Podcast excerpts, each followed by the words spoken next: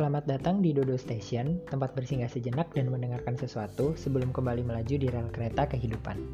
Selamat datang di Astropedia. Di sini, tempat aku akan membahas topik-topik terkait astronomi lewat media suara. Di episode kali ini, kira-kira ada satu topik yang menurut aku belum banyak orang ketahui, masih cukup bisa dikembangkan lagi supaya orang-orang lebih banyak tahu. Yang sebenarnya nggak eksklusif topik astronomi yang akan aku bahas kali ini. Jadi ada hubungannya juga sama lingkungan. Jadi topiknya apa? Mungkin beberapa dari para pendengar sudah pernah mendengar istilah ini atau mungkin ada juga yang benar-benar baru mendengar istilah ini. Jadi yang ingin aku bahas pada episode kali ini adalah tentang polusi cahaya. Selama ini kan kita tahu polusi atau pencemaran itu bentuknya macam-macam. Ada polusi udara, ada polusi tanah, polusi air, ada polusi suara juga. Nah, ini ada tambahan lagi nih mungkin buat teman-teman yang belum tahu, ada juga yang disebut sebagai polusi cahaya. Polusi cahaya apa sih gitu? Nggak kebayang kalau polusi air kan udah jelas airnya tercemar, airnya kotor. Polusi tanah, tanahnya tercemar, tanahnya kotor. Polusi udara, udaranya tercemar, udaranya kotor. Kalau polusi cahaya tuh gimana apa? Cahayanya kotor atau cahayanya tercemar. Nah, sebenarnya untuk mengetahui apa itu polusi cahaya, kita perlu balik ke definisi polusi atau pencemaran itu. Jadi kalau polusi atau pencemaran, sebuah keadaan dikatakan sebagai keadaan yang mengalami polusi atau tercemar itu ketika ada tiga syarat yang harus dipenuhi. Bukan harus dipenuhi sih sebenarnya justru jangan dipenuhi gitu, tapi intinya ada tiga kondisi yang menyebabkan keadaan itu disebut sebagai uh, polusi atau tercemar. Yaitu yang pertama ketika ada sesuatu yang jumlahnya atau kadarnya itu melebihi batas normal. Kemudian yang kedua, dia juga bisa ada di tempat yang salah atau tempat yang tidak tepat dan yang ketiga dia ada di waktu yang tidak tepat gitu. Jadi dia harus lebih dari ambang, ada di waktu yang tidak tepat dan juga ada di tempat yang tidak tepat. Nah, sekarang kalau polusi cahaya, kita ngomongin polusi cahaya. Jadi sebenarnya kalau misalnya secara umum secara sederhana kita bisa anggap polusi cahaya itu adalah sebagai sebuah kondisi di mana intensitas cahaya yang ada di sebuah wilayah itu terlalu berlebihan sehingga bisa mengakibatkan adanya feeling of discomfort atau perasaan tidak nyaman gitu. Jadi karena terlalu terang, jadi ada hal-hal yang jadinya tidak nyaman. Ketika itu terjadi, maka itu kita bisa anggap sebagai polusi cahaya. Nah, kalau misalnya dalam kita ngomongin lingkup astronomi karena ini astropedia, polusi cahaya ini menjadi penyebab utama bintang-bintang di langit itu dalam tanda kutip hilang dari pandangan kita.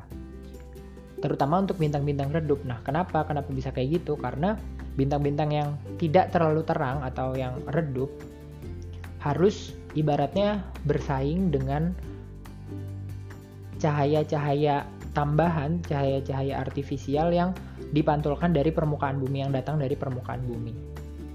Jadi otomatis beberapa bintang yang redup itu akan hilang dari langit malam karena langit malamnya udah dalam tanda kutip tercemar oleh cahaya-cahaya tambahan, cahaya-cahaya artifisial yang ada di permukaan bumi yang akhirnya lolos sampai ke atmosfer gitu.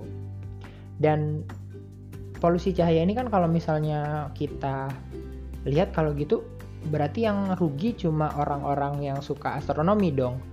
Yang rugi cuma astronom amatir atau astronom profesional dong.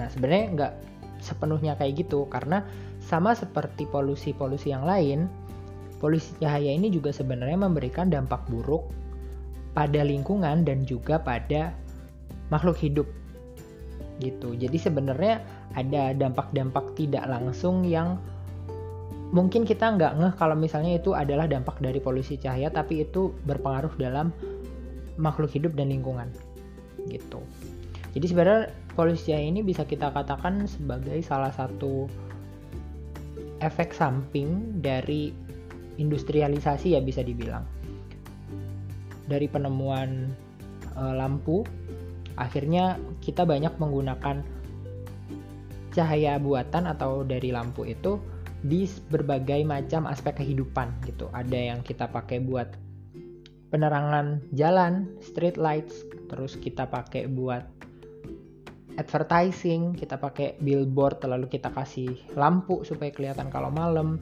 kita pakai buat dekorasi, terus kita pakai buat macam-macam lah untuk kehidupan sehari-hari di rumah dan seterusnya. Untuk dekorasi di taman dan seterusnya. Jadi secara umum kita nggak bisa langsung bilang bahwa oh semua itu polusi bikin polusi cahaya semua itu jelek semua itu harusnya dihilangkan. Enggak juga gitu.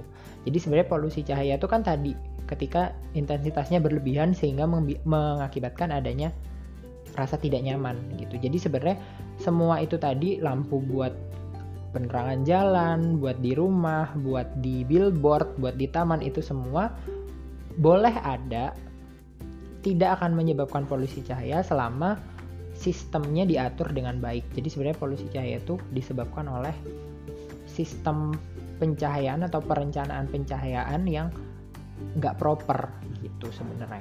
Jadi kalau selama semuanya masih proper, semuanya masih ada dalam tadi ada dalam ambang yang tepat, di waktu yang tepat, di tempat yang tepat itu tidak akan menyebabkan sampai ke polusi cahaya gitu.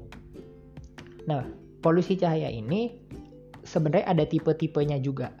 Jadi ada kita bisa bagi dia ke dalam beberapa kelompok.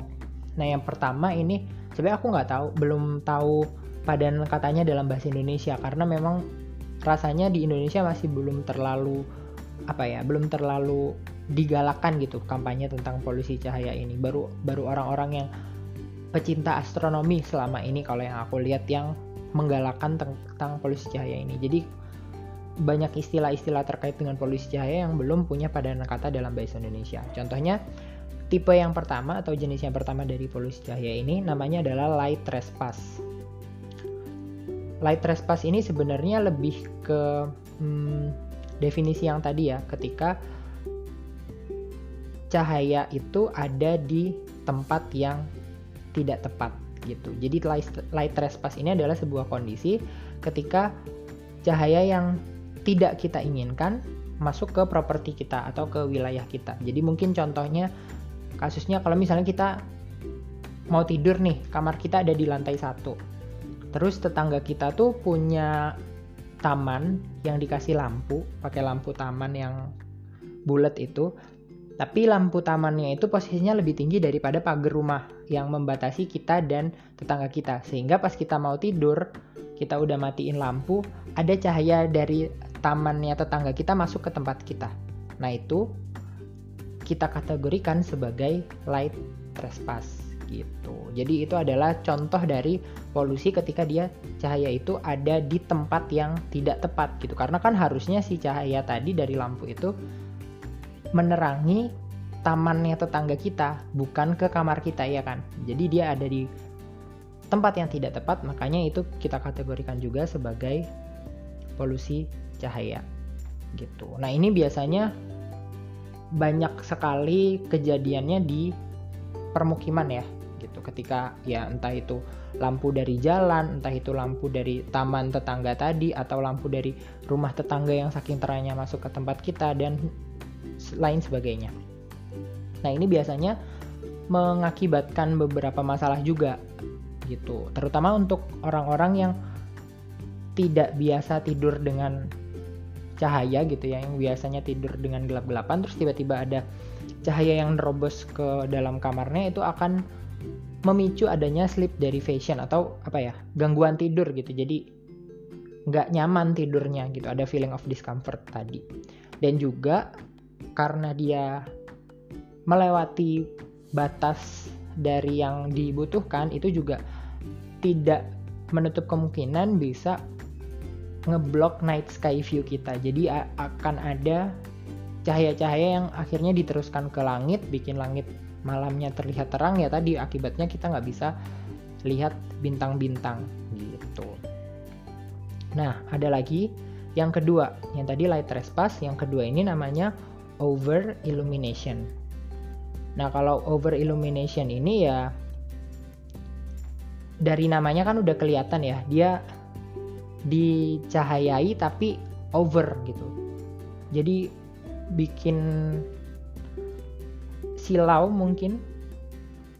Tapi sebenarnya kalau over illumination ini kalau sepenangkapan aku nggak nggak sampai level bikin silau. Tapi dia yang terangnya tuh terlalu terang yang melebihi ambang batasnya. Jadi kayak sebenarnya nggak usah seterang itu juga nggak apa-apa gitu. Tapi ini dibikin terang banget. Nah ini biasanya kejadiannya tuh banyaknya di gedung gedung-gedung. Biasanya kan karena arsitekturnya bagus wah pengen nih dia kelihatan malam-malam. Jadi kayak dikasih lampu banyak banget. Disorot banyak banget lampu si gedungnya. Atau di billboard itu juga kadang ada over illumination ini. Jadi sebenarnya kalau secara umum over illumination ini adalah penggunaan cahaya yang berlebihan gitu. Atau secara spesifik sebuah properti atau bangunan yang dicahayai secara berlebihan gitu. Nah ini sebenarnya kaitannya ke apa gitu. Nah kalau ini sebenarnya kaitannya ke konsumsi energi gitu. Karena kan cahaya buatan, cahaya lampu itu kan sumber energinya adalah dari listrik. Jadi sebenarnya penggunaan cahaya yang banyak atau berlebihan itu sama dengan penggunaan listrik yang juga berlebihan. Akhirnya juga merembet ke mana-mana tuh kalau misalnya penggunaan listrik berlebihan. Akibatnya penggunaan sumber daya alam yang berlebihan, kemudian biaya yang dikeluarkan juga untuk listrik juga berlebihan. Jadi sebenarnya ini lebih ke dampaknya lebih ke berfoya-foya gitu kesannya. Jadi semuanya serba berlebihan kayak gitu. Jadi sebuah waste of money and energy sih kalau menurut aku sih over illumination ini. Lalu yang ketiga Jenis yang ketiga itu ada yang namanya glare. Kalau glare ini mungkin kalau bahasa Indonesia-nya silau ya. Jadi kayak ketika ada cahaya yang terang menyebabkan kita tidak bisa atau kehilangan eh, kemampuan kita untuk melihat gitu. Nah, glare ini atau silau ini ada macam-macam. Ada tiga tipe kita bisa bagi. Yang pertama itu ada namanya blinding glare. Jadi blinding glare ini biasanya kasusnya kalau misalnya kita lihat uh, ke sumber cahaya yang sangat terang. Misal kita lihat ke matahari terus kita kayak seolah-olah saking silaunya tuh kayak kehilangan kemampuan untuk melihat secara temporer. Nah itu kita sebut sebagai blinding glare. Terus yang kedua ada yang namanya disability glare. Nah kalau disability glare ini bisa jadi karena misal ada di jalan nih biasanya. Contohnya sangat sering. Kita lagi naik mobil atau naik motor terus dari arah yang berlawanan ada mobil atau motor yang lampunya tuh terang banget lampunya putih dan terang banget sehingga kita nggak bisa lihat jalan di depan kita. Nah itu adalah contoh dari disability glare. Nah yang terakhir itu ada namanya discomfort glare. Nah kalau discomfort discomfort glare ini biasanya ya misal kita dalam ruangan terus memang lampunya terlalu terang. Jadi kayak lama-lama mata kita capek karena cahayanya terlalu terang. Nah itu namanya discomfort glare gitu. Jadi silaunya lebih mild dibanding blinding dan disability glare tapi dalam jangka panjang itu bikin mata kita lelah. Itu namanya discomfort glare. Gitu ini tipe yang ketiga ya tadi ada light trespass terus ada over illumination ada glare. Nah ini yang terakhir ada yang namanya sky glow. Nah sky glow ini yang sebenarnya menjadi uh, concernnya para astronom, baik itu astronom amatir maupun astronom profesional terutama. Jadi se secara sederhana, simply sky, sky glow ini ya langit malam yang terang gitu. Jadi sebenarnya sky glow ini bisa dikatakan bisa juga jadi uh, summary dari si tiga tipe yang tadi light trespass, terus over illumination, glare, semuanya ngumpul jadi satu bisa menyebabkan si sky glow ini gitu.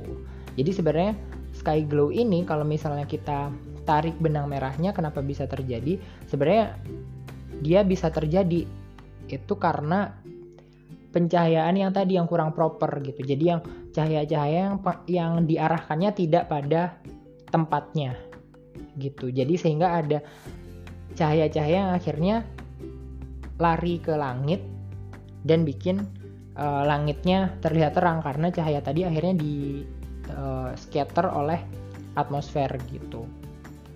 Jadi kan kalau misalnya kita di taman misal atau kita di jalan deh, kita di jalan kan sebenarnya yang perlu dicahayai itu adalah permukaan jalannya kan. Jadi kan sebenarnya langitnya nggak perlu kita cahayai karena kan yang pengen kita cahayai si jalan.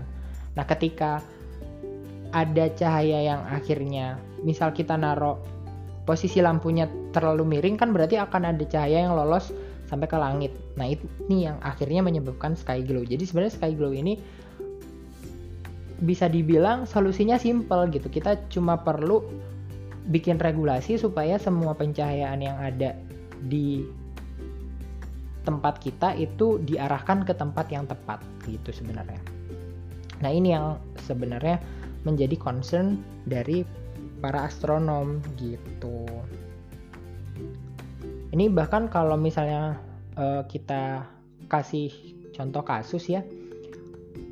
Di Indonesia teman-teman pasti udah familiar sebagian besar ya atau mungkin ada yang belum familiar dengan Observatorium Bosca yang ada di Lembang Bandung di Kabupaten Bandung Barat.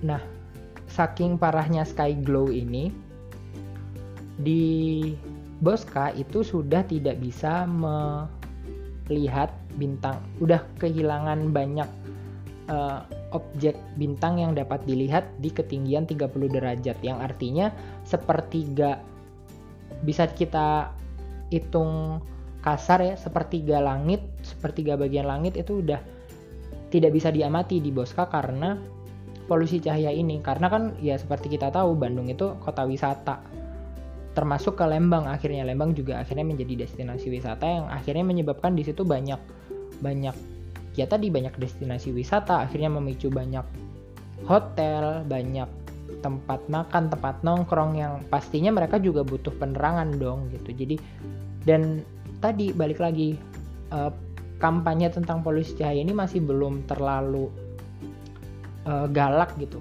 di Indonesia sehingga orang masih belum aware bahwa oh arah kita naruh lampu tuh perlu diatur loh supaya nggak mengganggu. Itu tuh orang masih belum aware. Jadi mau nggak mau akhirnya ada dampak yang dirasakan oleh observatorium Bosca sehingga kehilangan e, banyak sekali objek akibat dari sky glow ini. Itu baru di Bosca belum lagi di tempat-tempat lain gitu. Di Jakarta pasti lebih parah. Di kota-kota besar tentunya pasti akan kena si sky glow ini gitu. Makanya kebanyakan observatorium observatorium baru di yang sekarang lagi dibangun itu ditempatkannya di tengah hutan atau di puncak gunung supaya menghindari itu tadi gitu menghindari sebisa mungkin mengurangi resiko adanya sky glow dari kota-kota terdekat gitu. Nah tadi kita udah ngomongin nih tentang apa itu polusi cahaya, terus jenis-jenisnya apa, contoh-contoh kasusnya kayak gimana. Nah sekarang kita mau ngomongin dampaknya ya kalau dampaknya yang pertama seperti di over illumination tadi pasti ya menjadi energi waste gitu. Banyak uh, pemborosan energi yang terjadi gitu. Kalau misalnya kita ngomongin data listrik uh, konsumsi listrik di dunia seperempatnya tuh lari ke penerangan. Entah itu di rumah tangga entah itu di uh, penerangan jalan dan seterusnya. Intinya kalau kita total lighting itu ambil seperempat dari total electricity consumption di seluruh dunia. Kalau misalnya kita ngomongin di dalam skala yang lebih kecil, biasanya perumahan atau e, perkantoran itu pakai 20 sampai 50% dari total energi yang dia pakai untuk penerangan. Dan beberapa gedung, beberapa tempat itu pakai bahkan sampai lebih dari 90% energi consumptionnya untuk lighting yang sebenarnya unnecessary atau nggak penting gitu. Jadi sebenarnya ini yang akhirnya menjadi kunci si over illumination tadi. Dan artinya ketika kita pakai lebih banyak cahaya, secara nggak langsung kita pakai lebih banyak listrik secara nggak langsung, kita juga pakai lebih banyak sumber daya alam yang seharusnya kita bisa alihkan ke hal-hal lain yang lebih berguna gitu. Jadi sebenarnya di sini kita perlu apa ya e, merencanakan segala sesuatu termasuk penerangan itu dengan lebih efektif, dengan lebih baik supaya kita nggak buang-buang energi dan artinya kita juga nggak buang-buang uang untuk membayar energi yang kita pakai tadi gitu. Makanya di sini perlu planning bagaimana e, mengatur penerangan supaya semuanya berjalan dengan efektif dan efisien. Jadi yang pertama dampaknya adalah energy waste atau pemborosan energi. Nah lalu yang kedua ini ke human body ya kita sekarang ngomongin ke uh, tubuh manusia. Tubuh manusia tuh punya siklus nya sendiri, punya siklus hormonalnya sendiri atau mungkin biasanya kita kenal jam biologis kalau uh, bahasa sehari-harinya. Nah, siklus hormonalnya ini sebenarnya secara kita tidak sadar dia bisa terdampak juga sama si uh, kalau istilah bahasa Inggrisnya tuh luminous night atau malam yang terang gitu dan dalam jangka waktu yang lama dan tanpa kita sadari juga itu bisa ngaruh ke kesehatan kita dan juga ke psikis kita gitu. Karena um, hormonal kita kan mengenali waktu malam dan waktu siang itu bukan dari jam. Jam biologis kita tuh bukan kayak oh jam 7 itu berarti udah malam oh jam 9 itu berarti udah lebih malam dari jam 7 nggak kayak gitu jadi kan bio, secara biologis tubuh kita tahu kapan malam kapan siang ya dari adanya cahaya atau tidak adanya cahaya. Jadi kalau misalnya malam-malam masih terang, tubuh kita itu masih belum kenal bahwa itu sudah malam. Padahal ada hal-hal yang perlu dilakukan tubuh kita ketika sudah malam gitu. Secara hormonal perlu ada perubahan dan seterusnya yang akhirnya gagal terjadi karena tubuh kita tidak mengenali bahwa itu adalah waktu malam. Terus beberapa studi, beberapa penelitian juga menjelaskan gitu ya, mendapatkan hasil bahwa light pollution atau polusi cahaya ini sebenarnya ada korelasinya sama um, kanker payudara, resiko kanker payudara. Ini sempat di kalau kalau nggak salah itu, kalau aku recall ya kalau nggak salah, um, dia me, buat penelitiannya itu kepada wanita-wanita yang kerjanya di pabrik dan di shift malam gitu. Jadi malamnya mereka tuh uh, penuh dengan cahaya gitu. Jadi otomatis kan ya tadi tubuhnya nggak mengenali itu malam sehingga ada hal-hal yang secara biologis terlewat dan akhirnya dalam studinya itu memicu atau meningkatkan resiko terjadinya kanker payudara. Tapi kalau misalnya kita kita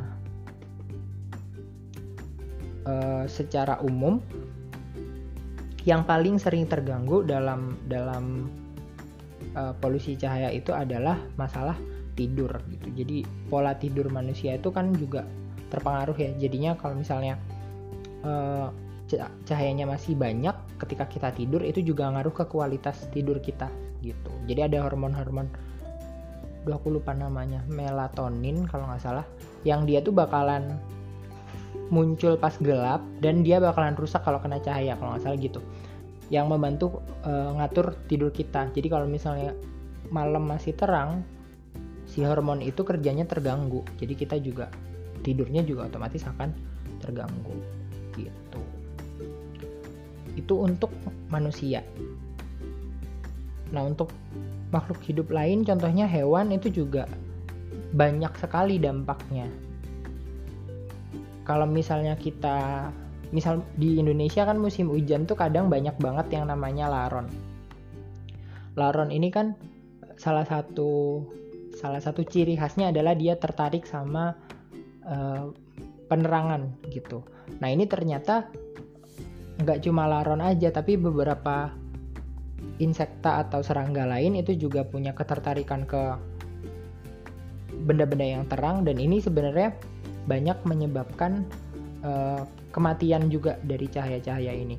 Kadang uh, mereka karena tertarik ke cahaya yang terang, mereka ibaratnya kayak nyamperin si sumber cahayanya itu, jadi banyak yang mati karena kelelahan, banyak mati karena uh, biasanya di lampu taman tuh kan tertutup, nah kayak terkungkung di situ akhirnya mati.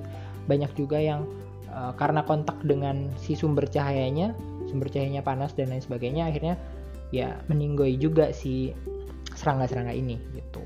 Dan kalau misalnya ini terjadi dalam skala besar kematian massal serangga itu sebenarnya juga dapat berpengaruh sangat besar di ekosistem gitu. Karena kita tahu beberapa serangga kan membantu penyerbukan. Jadi kalau misalnya banyak serangga yang mati agen penyerbukannya juga banyak yang hilang otomatis kan perkembangbiakan tumbuhan juga bakalan terganggu. Dan lebih jauh lagi keseimbangan ekosistem bisa terganggu karena rantai makanannya juga terganggu gitu. Ada satu komponen rantai makanan yang hilang jadi bisa bisa menyebabkan adanya ketidakseimbangan ekosistem secara jangka panjang gitu. Terus kadang pencahayaan itu juga bikin Eh, burung-burung uh, yang bermigrasi itu mengalami disorientasi gitu. Kadang tuh uh, terutama ini kasusnya untuk gedung-gedung uh, tinggi. Jadi cahaya dari gedung-gedung tinggi itu bisa ngaruh ke sense navigasinya si burung-burung itu. Jadi banyak banget burung-burung yang akhirnya mati karena nabrak jendela dari Eh, gedung-gedung uh, tinggi tadi gitu. Contohnya di Toronto, di Kanada, di, di kota Toronto, dalam tiga bulan itu seribu lebih dari seribu burung dari 89 spesies berbeda mati karena nabrak gedung-gedung tinggi.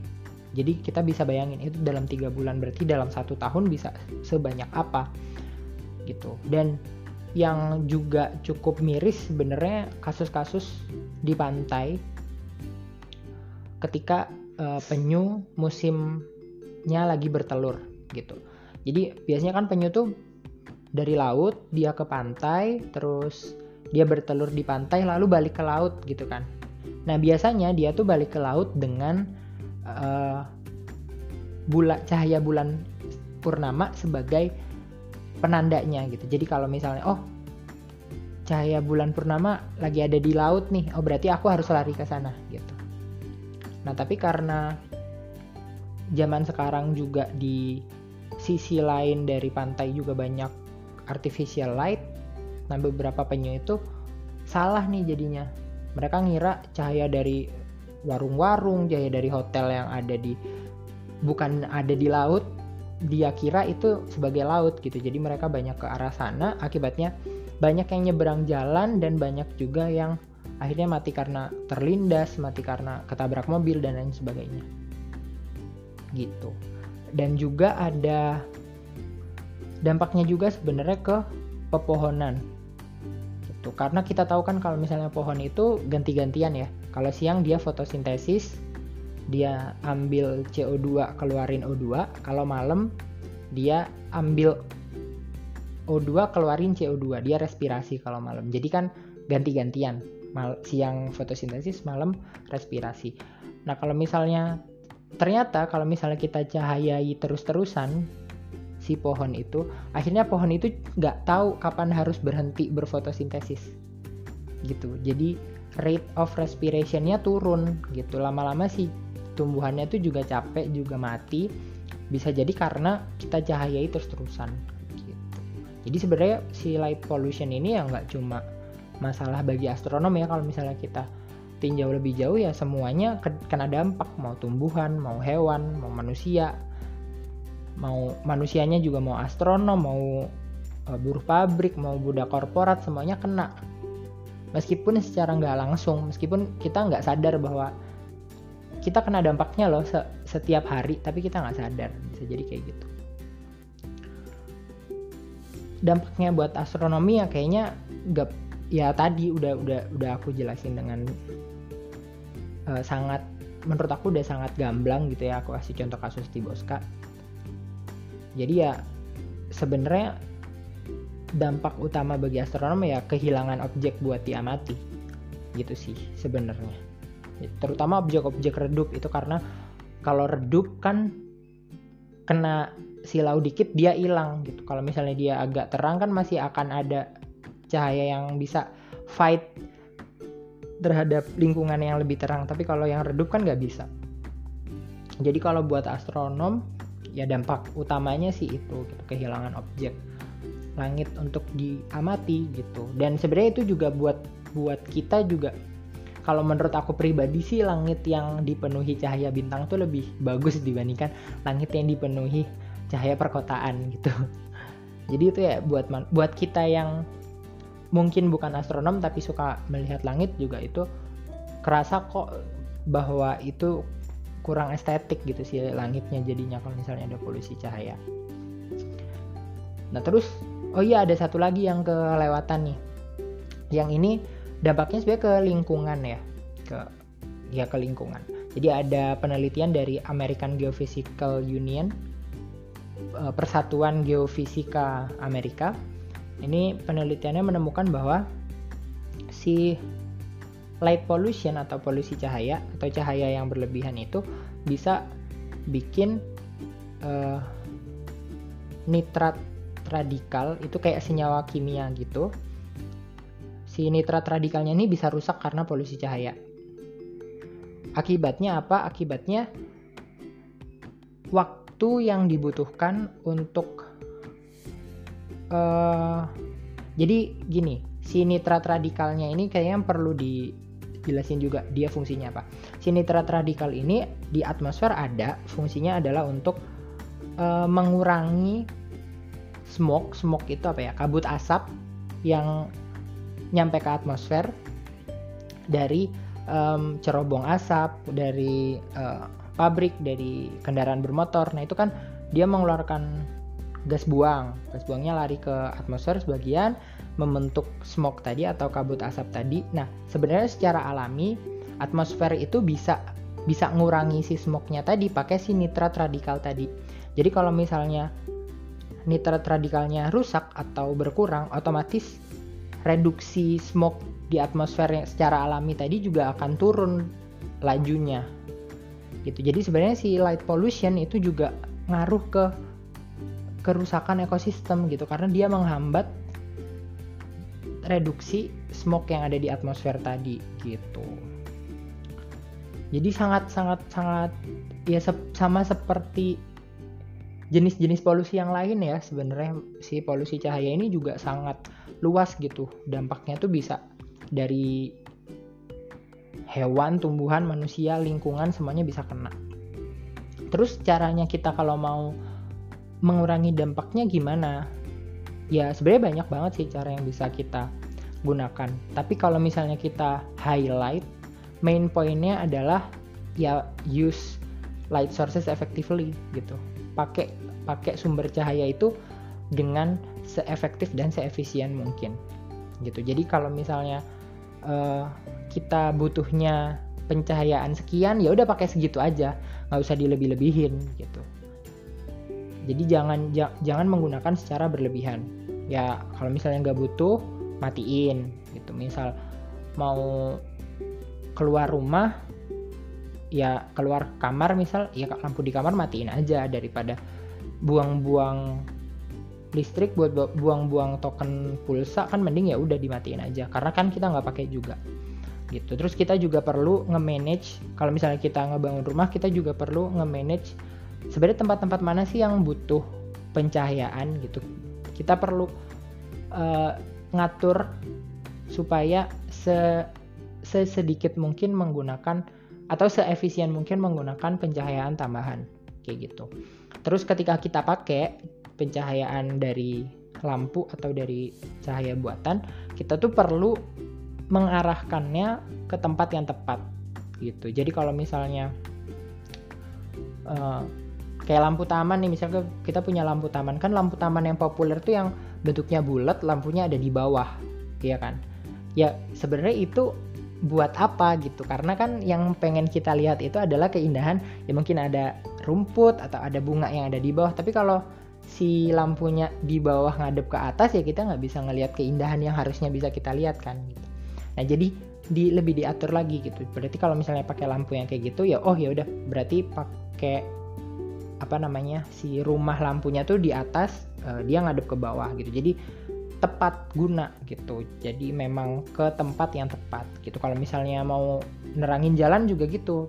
Ya udah berarti kan kita mau menerangi jalan yang ada di bawahnya kan. Ya udah berarti arahin ke bawah gitu. Kita bisa pasangin tudung lampu supaya nggak banyak yang uh, bocor ke atas gitu. Atau misal kita jadi agen reklame berarti ya bagusnya lampunya dari mana? Ya lampunya dari atas nyorot ke papan reklamenya. Bukan dari bawah nyeret ke papan reklamenya gitu. Itu perlu dipikirkan juga gitu. Terus juga sebenarnya ya tipe lampunya juga perlu kita pikirin. Yang mana yang uh, cukup cerang tapi energi consumptionnya lebih kecil gitu. Terus ya contohnya ya kayak misal kita kamarnya kecil ya nggak usah lah pakai lampu yang 100 watt kan itu berlebihan. Itu ntar akhirnya kan bikin discomfort glare tadi. Ya udah pakai kira-kira pasnya seberapa sih gitu. Yang nggak terlalu terang tapi juga nggak terlalu redup gitu. Itu juga perlu kita adjust gitu. Karena banyak lampu tuh kan banyak jenisnya. Terus setiap lampu juga punya efisiensi yang berbeda. Setiap lampu punya uh, penggunaan daya yang berbeda-beda. Nah jadi itu yang sebenarnya perlu kita pikirin gitu. Kita perlu pinter-pinter oh kamar aku segini berarti pakai lampu yang bagus tuh tipe ini terus terangnya segini dan seterusnya dan seterusnya gitu. Jadi sebenarnya solusinya tuh simple yaitu pakailah pencahayaan buatan tadi dengan lebih efektif dan efisien gitu. Dan kita juga perlu menanyakan ke diri kita apakah uh, existing light atau pencahayaan yang udah ada sekarang yang udah kita punya ini apakah emang kita benar-benar perlu? Kalau misalnya enggak ya udah mending mending nggak usah dipakai aja gitu. Karena ya yang segala sesuatu yang berlebihan itu kan nggak baik termasuk pencahayaan yang berlebihan itu juga nggak baik gitu.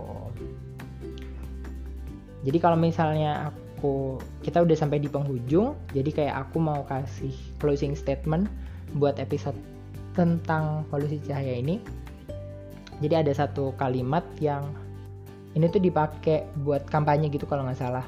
Kampanye aspire for aspire the air day for light pollution sebuah kampanye gitu tentang light pollution.